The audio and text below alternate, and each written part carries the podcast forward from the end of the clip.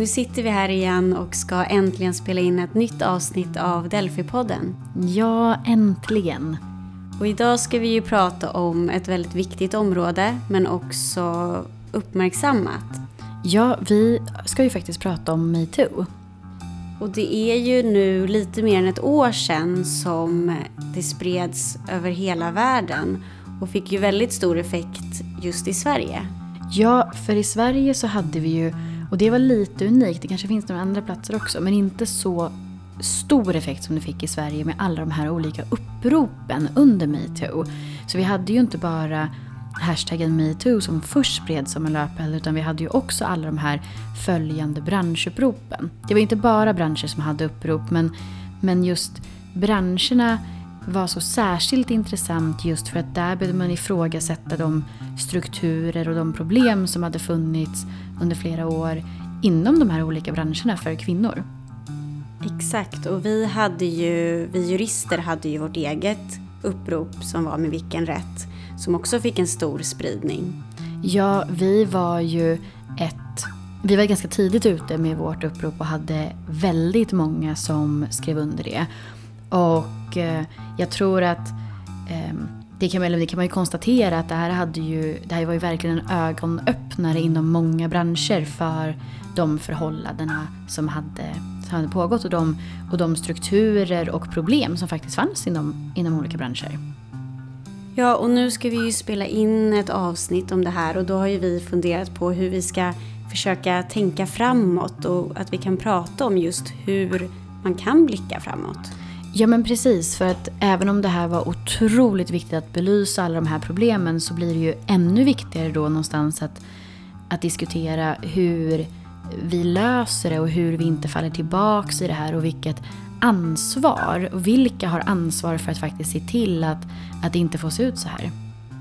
Ja, och där kommer ju vi in i hur vi jurister kan hjälpa företag att bli bättre med att hantera de här frågorna internt.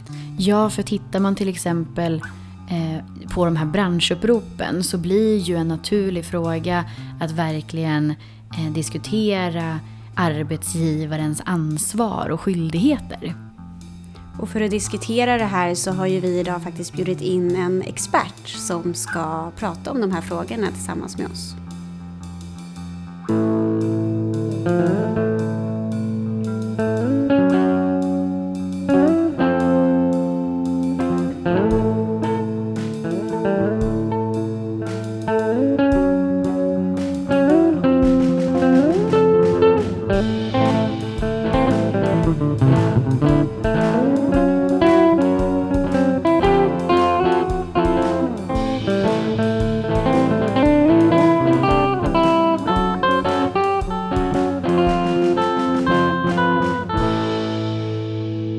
Har äran nu att få Magnus Berterud här. Hej! Hej! Tack för att jag fick komma. Roligt att vara här. Ja, men så himla roligt. Vi har ju redan avslöjat lite här vad vi ska prata om.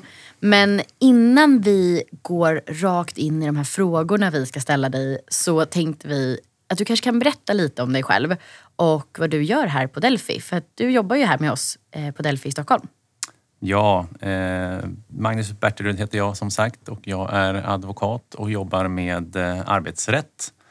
Eh, jag har jobbat här på Delphi i ungefär tre år och innan dess så har jag jobbat på lite andra advokatbyråer här i Stockholm och eh, företräder arbetsgivare i alla olika typer av arbetsrättsliga frågor. Just det, för att om man tänker i, inom arbetsrätten lite som det som vi ibland jobbar med så finns det ju ofta privatpersoner på andra sidan. Och eh, när man jobbar med integritetsskydd tänker jag att då har man ju företag som ska skydda individen mot eh, liksom, kränkningar mot deras integritet. Men, och pratar man med dig nu så jobbar ju du nästan alltid mot enskilda personer. Eh, eller också på andra sidan. Så att du har företaget. Stämmer det? Ja, precis. Eftersom jag, eftersom jag nästan uteslutande representerar arbetsgivarsidan så blir ju, om man ska prata om motparter, det blir ju arbetstagarna. Eh, men också då eh, så hjälper jag arbetsgivarna i deras relationer gentemot eh, fackförbund och eh, eventuella andra myndigheter eh, där, där den typen av situationer kan komma upp helt enkelt. Ja, precis. Och nu har ju vi tänkt, vi ska ju prata lite om just metoo men ändå försöka blicka framåt och se vad är det som har hänt efteråt. Och eh, då hade vi tänkt prata lite om om dina arbetsuppgifter har förändrats efter metoo.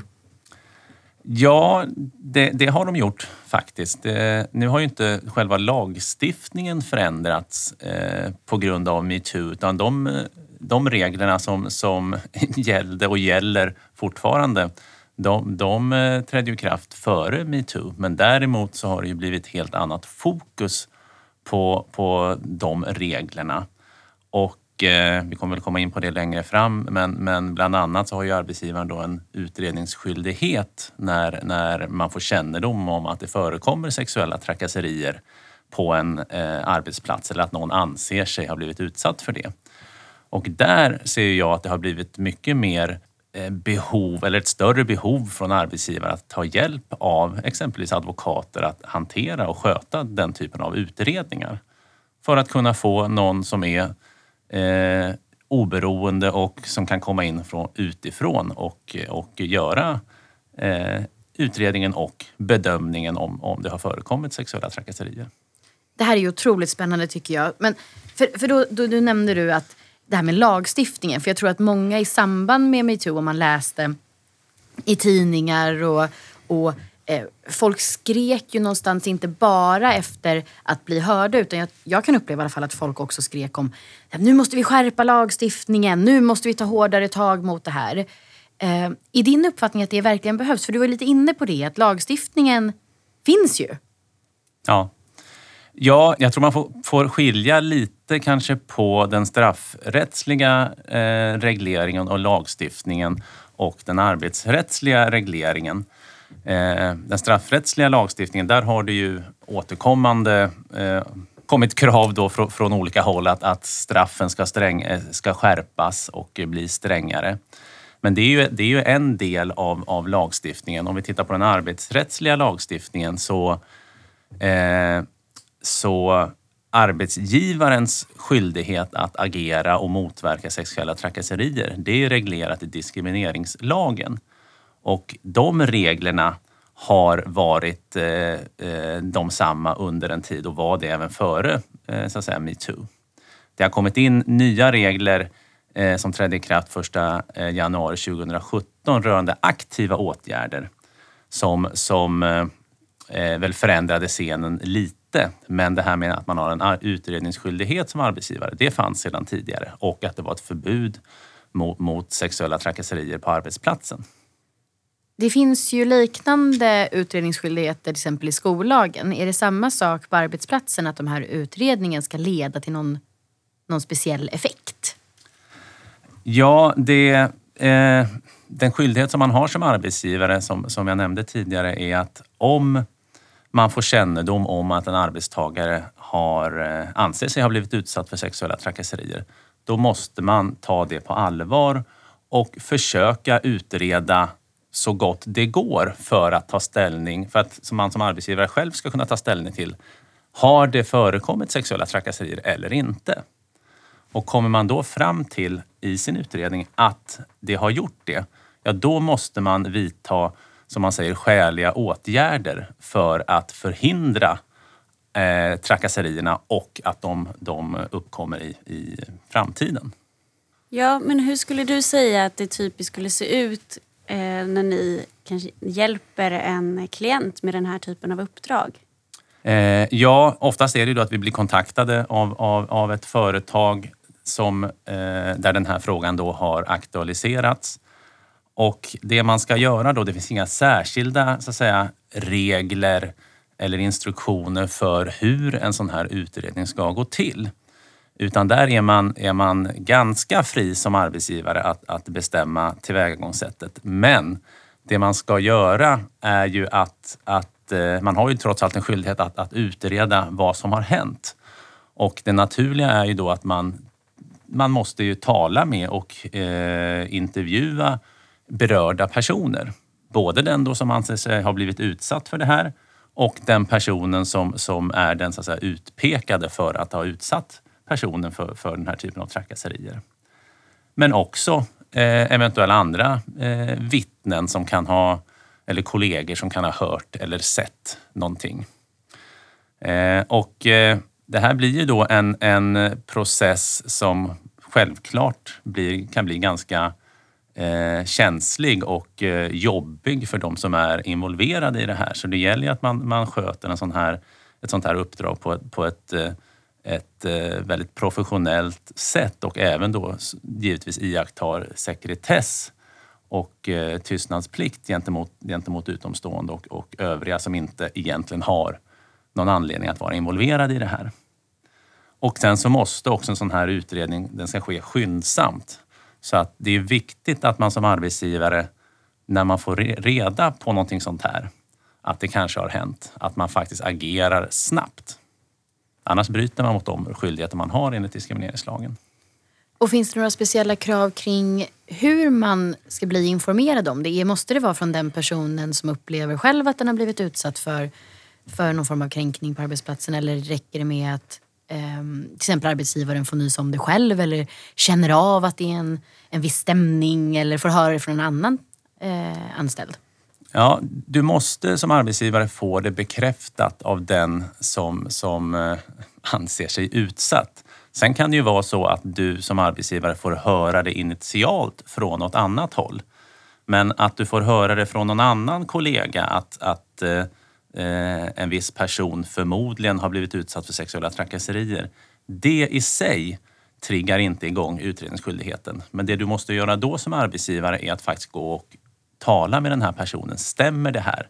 Att du, vi har hört det från, från, från, från en eh, visst håll att du nu har, möjligen har blivit utsatt för, för trakasserier av det här slaget. Stämmer det? Får man då ett, en, en bekräftelse, då måste man, man inleda den här, eh, då, då, då startar utredningsskyldigheten så att säga. Upplever du efter metoo att arbetsgivare har börjat ta det här på ett större allvar eller att de har förstått vad den här eh, skyldigheten innebär på ett annat sätt? Absolut, absolut. Jag skulle säga att eh, eh, det är ju en av, av eh, skulle jag säga, de stora fördelarna med, med metoo-rörelsen om man tittar på, på, på mitt område inom arbetsrätten. Att det här har ju skapat ett, en eh, medvetenhet och ett fokus på de här reglerna som kanske inte riktigt fanns innan, innan metoo. Och eh, vad finns det för andra juridiska ansvar för just arbetsgivare? Ja, ansvaret eh, för, arbetsgivaren i, i, i den här aspekten då är ju att om man inte sköter sin utredningsskyldighet på ett korrekt sätt, ja då kan man bli skyldig att betala diskrimineringsersättning enligt diskrimineringslagen. Och eh, den eh, ersättningen ska då betalas till den som har blivit utsatt för, för de här trakasserierna. Så det kan ju vara att om man får reda på att eh, eh, någon har blivit utsatt och helt enkelt struntar i att initiera eh, en sån här utredning eller försöka ta reda på vad som har hänt. Ja, då har man ju brutit mot sin skyldighet i den delen och då kan man bli, bli skyldig att betala diskrimineringsersättning till personen i fråga. Men är det arbetsgivaren då i form av företaget till exempel eller är det någon form av ytterst ansvarig person? Nej, det här är, är arbetsgivaren som, som det, företaget eh, som, som får betala den här summan eh, Eh, eller eventuella ersättningen. Men det är, är, bra att du lyfter det för att det är nämligen så att, att ett, ett företag består ju av, av, av människor och individer som faktiskt är de som, som, som brister i, i sin eventuella skyldighet. Då. Och eh, det är ju så att, att även om det är en, en, eh, någon som representerar eller kan anses företräda arbetsgivaren. Om, om en sån person exempelvis sexuellt trakasserar en, en kollega, då kan den personens agerande göra så att arbetsgivaren blir skadeståndsskyldig.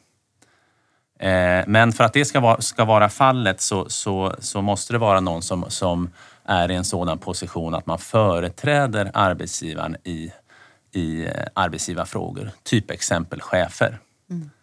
Är det däremot så att, för är situationen på det sättet, då kan, då kan den chefens agerande, den chefens sexuella trakasserier av en kollega drabba arbetsgivaren på det sättet att arbetsgivaren blir skyldig att utge diskrimineringsersättning. Är det däremot så att det är, eh, förekommer sexuella trakasserier mellan kollegor som inte är i, i en chefsposition så att säga. Då blir arbetsgivaren inte ansvarig för själva sexuella trakasserierna som sådana.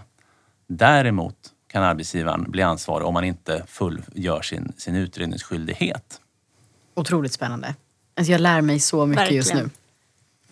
Men det här leder ju mig in på att tänka lite kring whistleblowing system som finns. Och jag tror att eh, det är ju många, eh, i alla fall i media rapporteras det mycket om att många företag ville föra in det här i samband med metoo. Att det skulle vara en, en tänkbar lösning för att råda bot på kanske det som diskuterats mycket eh, eller mest kring det här, nämligen tystnadskulturen. Att inte nödvändigtvis lagstiftningen är det som brister utan att det är tystnaden. Att man vågar inte eller man vill inte eller man känner inte att man får gehör. Hur ser du att whistleblowing-lösningar eh, kopplat till det här som lösning? Ja, eh, det förekommer ju att man har olika typer av, av eh, whistleblowing-system för att rapportera dels den här typen av, av eh, så att säga, sexuella trakasserier men an, även andra missförhållanden eller oegentligheter på, på, på arbetsplatsen. Och eh, det som, det som väl blir lite besvärligt i, i, i, när det gäller sexuella trakasserier och skyldigheterna för arbetsgivaren enligt diskrimineringslagen är ju, som jag sa tidigare, att eh, man måste på något vis få det bekräftat från den personen som anser sig utsatt för att man i vart fall ska ha en skyldighet att inleda en utredning. Så att ha helt anonymiserade eh, system, det blir ju det blir ju lite svårt och det blir ju också svårt när man då ska ta, om man skulle, skulle så att säga, det finns ju inget som hindrar att en arbetsgivare ändå börjar utreda. Men eh, det blir ju då svårt när man väl ska konfrontera den personen som har, har eh, Eh, är utpekad för de sexuella trakasserierna. Eh, om man då inte överhuvudtaget vet vem är det som kommer med de här eh, påståendena eller anklagelserna. Och det blir också väldigt svårt för en arbetsgivare då att, vet, att på något vis kunna utreda vad som har hänt. För det är, det är det som, som hela den här utredningsskyldigheten går ut på, att man på något vis ska eh, bottna i Förekommer det, har det förekommit sexuella trakasserier i den här påstådda situationen eller inte? Och eh, om man då inte får, får veta vem det är som påstår någonting och då kanske det också är svårt att veta när skulle det ha skett. Och eh, ja, det, det, blir väldigt, det blir svårigheter i en sån situation för arbetsgivaren att, att fullgöra sin utredningsskyldighet. Just det. Och sen, eh, har jag, eh, tänker jag helt fel nu, men är det inte så dessutom att, att för att få ha ett whistleblowing system så måste det gälla anmälningarna som man någonstans rapporterar genom. Det ska gälla högre chefer Ja, så, så, så, så är det ju att, att eh, det, det ska ju vara en viss eh, så att säga, nivå, dels på, på så att säga, anklagelser men också vem, vem som är vem man anmäler. Så det stämmer ju. Och det kanske också då, då blir det ytterligare ett problem kanske med just whistleblowing-system som, som ensam lösning, även om det kanske är, är bra att ha det i vissa fall. Mm. Men då blir det ytterligare för att det går inte riktigt kanske att anmäla sexuella trakasserier som sker mellan kollegor. Utan det är kanske mer då riktar in sig på de situationer du pratade om innan när vi har en chef och en, en, eh, en anställd till exempel. Ja. När jag jobbar med de här frågorna och när, när, när jag hjälper eh, företag kanske att, att, eh, att upprätta policies och, och riktlinjer eh, kring eh, sexuella trakasserier och, och, och, andra trakasserier. Så, så brukar jag faktiskt påtala det här att vi kan ju, ni kan ju givetvis när man i, i, i diskussionen med arbetsgivaren och när man diskuterar hur man ska formulera det här, eh, att eh, ni kan givetvis inte hindra någon från att anmäla anonymt, men det bör framgå av policyn att gör man en sån anonym anmälan så, så blir det oerhört svårt för, för arbetsgivaren att, att driva en sån sak vidare. Så att det blir ju eh, i den delen blir ju en sån anmälan eh, i det specifika fallet kanske inte så, så verkningsfull. Sen kan det ju finnas andra anledningar att arbetsgivaren då när man får anonyma anmälningar, då kanske man får en indikation på att det faktiskt förekommer på arbetsplatsen.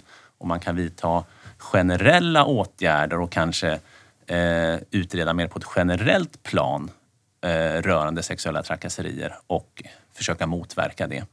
Men, men det blir svårare som sagt i just det enskilda fallet att driva den frågan vidare. Du pratade ju lite tidigare om att eh, det finns en gränsdragning där mellan straffrätten och arbetsrätten. I vilken mån kommer du in i de straffrättsliga frågorna? Ja, det, det, kan ju, precis som du säger så kan ju, ju en, en situation som, som eh, bedöms vara sexuella trakasserier på en arbetsplats eh, enligt diskrimineringslagens regler kan ju mycket väl också vara ett brott eh, enligt, enligt straffrättsliga regler. Det kan ju vara fråga om sexuellt ofredande eller, eller eh, i värsta fall all, även allvarligare saker, eh, allvarliga brott. Eh, då får man ha, ha i åtanke att det är två skilda regelverk. Eh, jag, i min roll som, som arbetsrättsadvokat, så, så, så eh, hanterar ju jag de arbetsrättsliga delarna och det som är kopplat till diskrimineringslagen. Sen är det klart att en arbetsgivare som, som då får kännedom om, om en sån här sak som, som kanske faktiskt kan utgöra ett brott, ja, då får man ju polisanmäla det i så fall. Och då då drar ju så att säga de, de eh, polisiära och straffrättsliga kvarnarna igång och sen blir det en, en separat process. Eh, men även fast man har polisanmält någonting så fråntar ju inte det arbetsgivarens skyldighet att fortsätta med sin egen eh, utredning eller de, de skyldigheter man har enligt, enligt diskrimineringslagen. Ja, nej, men det finns ju uppenbarligen ett stort ansvar här för eh, arbetsgivaren och Finns det på något sätt, skulle en eh, chef kunna bli av med sitt jobb på grund av att man eh, missköter det här? Och inte...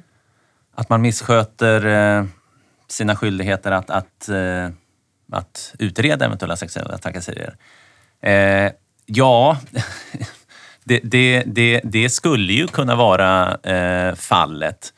Eh, men, men eh, då måste man ju först konstatera att det faktiskt föreligger då, eh, om det är en chef som omfattas av, av lagen om anställningsskydd, att det, att det finns saklig grund för en sådan uppsägning. Och det är klart att om det är en, en person i en chefsroll som, som återkommande eh, Eh, negligerar eller underlåter att fullgöra sina skyldigheter trots påminnelser om att det här, det här är vad du, du det här ligger i dina, dina uppgifter som, som chef att faktiskt hantera.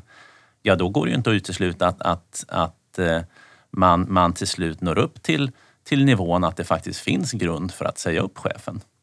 Sen är det väl inte så att, att eh, för de här reglerna är ju det är ju inte helt lätta regler och det är ganska svåra situationer som chef att hantera skulle man, om jag säger så här, skulle man gå fel vid, vid något tillfälle så, så kommer man ju inte bli av med jobbet på grund av det utan det krävs ju upprepade förseelser i ett sådant fall.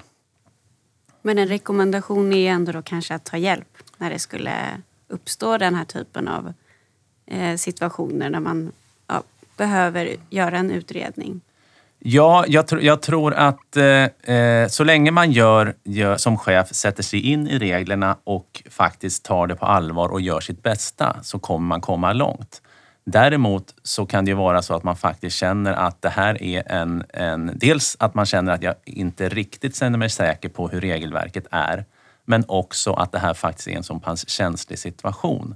Så att det vore kanske bra om det hanteras av någon som är utomstående. Så av de två skälen kan det faktiskt vara bra och vettigt att man då tar hjälp i en sån här situation.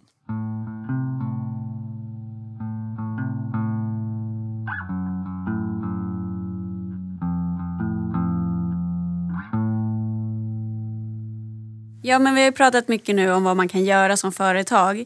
Men man borde ju också kunna se det här, tänker jag, rent som att det ändå blir goodwill att jobba med de här typen av frågorna. Eller hur ser du på det?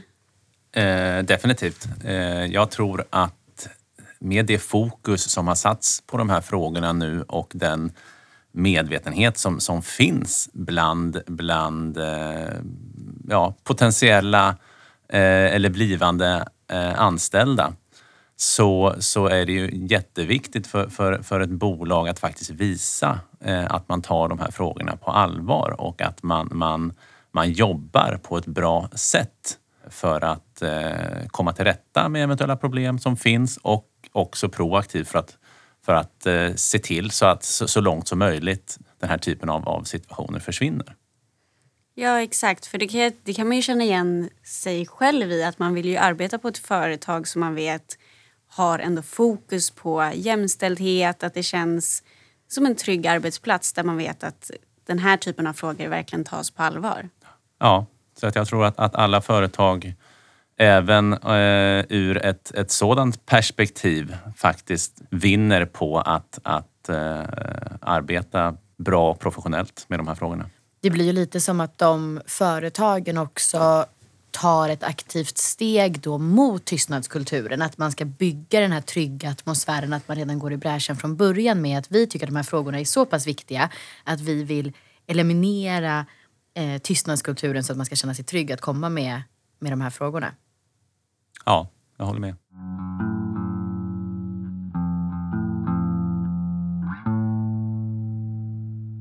Och vad kan då Delphi hjälpa till med? Om man nu kontaktar oss och så känner man att vi har inte riktigt koll på det här.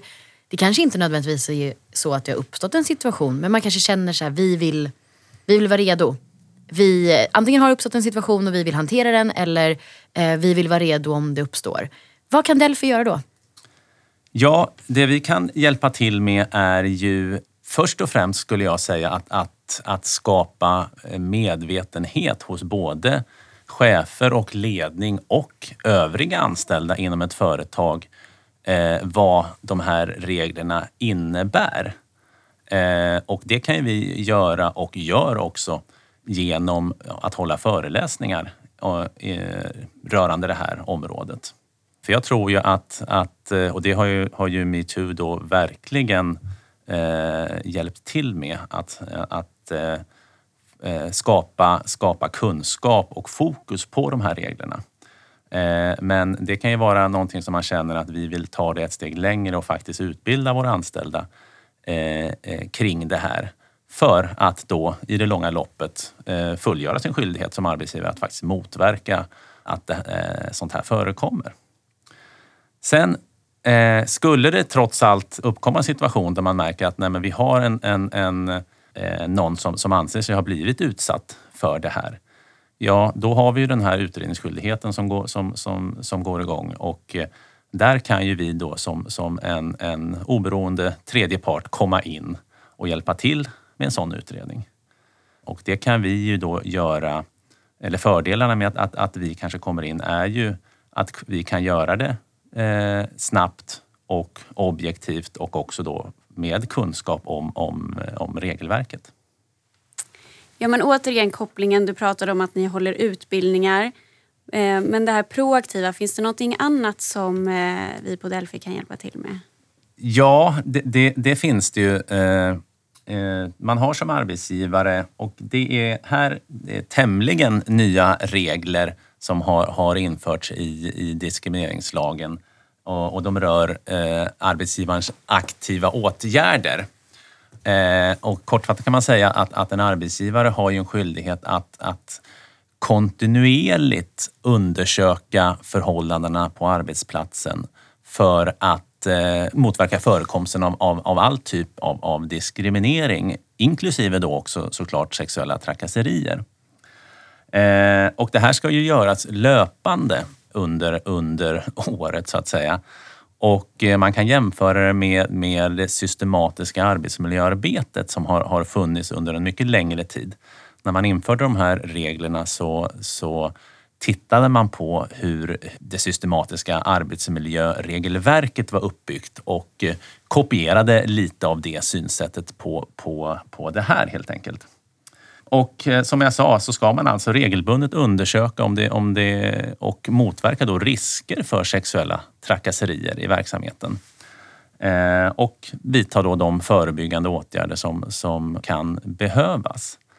Och som en del i det här ska man ju då också upprätta policies och riktlinjer eh, just inriktade på att förhindra sexuella trakasserier. Och där kan ju vi på Delphi givetvis vara med och hjälpa till i, i ja, eventuellt då upprättandet av, av eh, de här eh, policydokumentationen och, och övrig dokumentation i det här arbetet. Men det här känns ju verkligen som en otroligt viktig del. För att man, man kan ju såklart prata om det reaktiva men då har ju skadan någonstans redan skett. Här pratar vi faktiskt om att förebygga förekomsten helt och hållet på arbetsplatser. Känner du att, att arbetsgivare vet om, har de, är de up to date med de här skyldigheterna och det här arbetet rent generellt i din erfarenhet? Ja, jag tror ju att som, som jag nämnde tidigare så har ju, har ju metoo satt fokus på de här reglerna på ett helt annat sätt än, än eh, vad eh, som gällde tidigare. Eh, sen är det klart att eh, jag känner väl att det kan vara en viss osäkerhet bland arbetsgivare. Hur ska vi göra det här arbetet? Vad krävs av oss? Eh, och eh, ja, på vilket sätt kommer, kommer det här så att säga, påverka företaget om vi nu inte gör det på ett, på ett korrekt sätt helt enkelt. Men skulle du säga att eh, de anställda på företagen har blivit mer medvetna nu och att det därför ställs högre krav på dig som arbetsgivare? Absolut. Det har, har eh, definitivt eh, Metoo har definitivt bidragit till en ökad medvetenhet eh, kring de här reglerna. Och jag tror att de flesta arbetsgivare känner av att det, det eh, sätts tryck på dem från de anställda att man som arbetsgivare faktiskt sköter sig i de här delarna och att man följer de regelverk som finns och att man faktiskt är en kanske en arbetsgivare som, som lite går i bräschen också för att visa att vi, vi, vi tar det här på, på allvar. Så att eh, har man inte varit eh, som arbetsgivare så att säga, medveten och haft fokus på det tidigare så, så tror jag att i många fall så, så sätter eh, eh arbetstagarna fokus på de här frågorna eh, nu på ett helt annat sätt än vad, vad, vad som skedde tidigare. Nej men det känns ju verkligen som att det är det viktigaste, att det är det som har varit metoos liksom huvudsyfte någonstans. Att bara lyfta upp frågorna, att lägga dem. Och nu om de lyfts hela vägen upp på, på liksom ledningsbordet på ett företag så är ju det otroligt positivt. Mm. Framförallt de här proaktiva eh, åtgärderna som ska göras. Okej, men nu har vi ju vårt, nu kommer vi till den här delen som är återkommande i vår podcast här i Delphi-podden. Och det är de fem punkterna.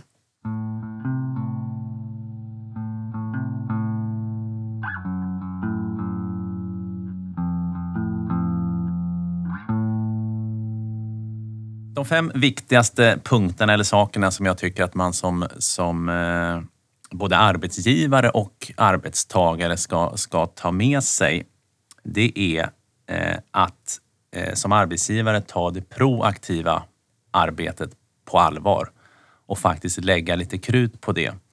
För det säger sig självt att, att eh, eh gör man det så kommer man förebygga den här typen av situationer framöver. Nummer två, som hänger lite ihop med, med, med punkt nummer ett, är att se till att utbilda både chefer men även övriga anställda kring de här reglerna. Eh, jag tror att mycket kan, kan så att säga, motverkas genom att, att eh, eh, anställda får, får en kunskap och medvetenhet om vad som gäller. Nummer tre är att skulle en sån här situation eh, rörande med, angående sexuella trakasserier trots allt dyka upp eh, eller aktualiseras, så var noga med att ni fullgör er utredningsskyldighet och att den ska, ska initieras och eh, genomdrivas eh, skyndsamt. Nummer fyra, Eh, det är mer inriktat till, till arbetstagare eh, och anställda och det skulle jag säga, våga lyft den här, den här typen av frågor eh, med era arbetsgivare. Både när det har, har hänt enligt med de, de eh, riktlinjer och policies som arbetsgivaren då ska ha. Men också se till att skapa en diskussion eh, rörande den här typen av frågor även i, i förväg. Och nummer fem då, eh, skulle jag säga är att eh, var inte allt för, för rädda som arbetsgivare när en sån här situation dyker upp. Utan se till då att faktiskt hantera den på ett professionellt sätt och ta hjälp om ni känner att det behövs. Tack så jättemycket. Tack så jättemycket Magnus. Tack för att jag fick komma. Vill du komma i kontakt med oss eller ha frågor rörande Delphi-podden så finns vi på sociala medier. Facebook, Instagram, Twitter och LinkedIn. Där heter vi advokatfirman Delphi. Du kan självklart också mejla oss, mig eller Engla på antingen angla.eklund.delphi.se eller mikaela.hamilton.delphi.se. Sen finns det självklart all information på vår hemsida, www.delphi.se.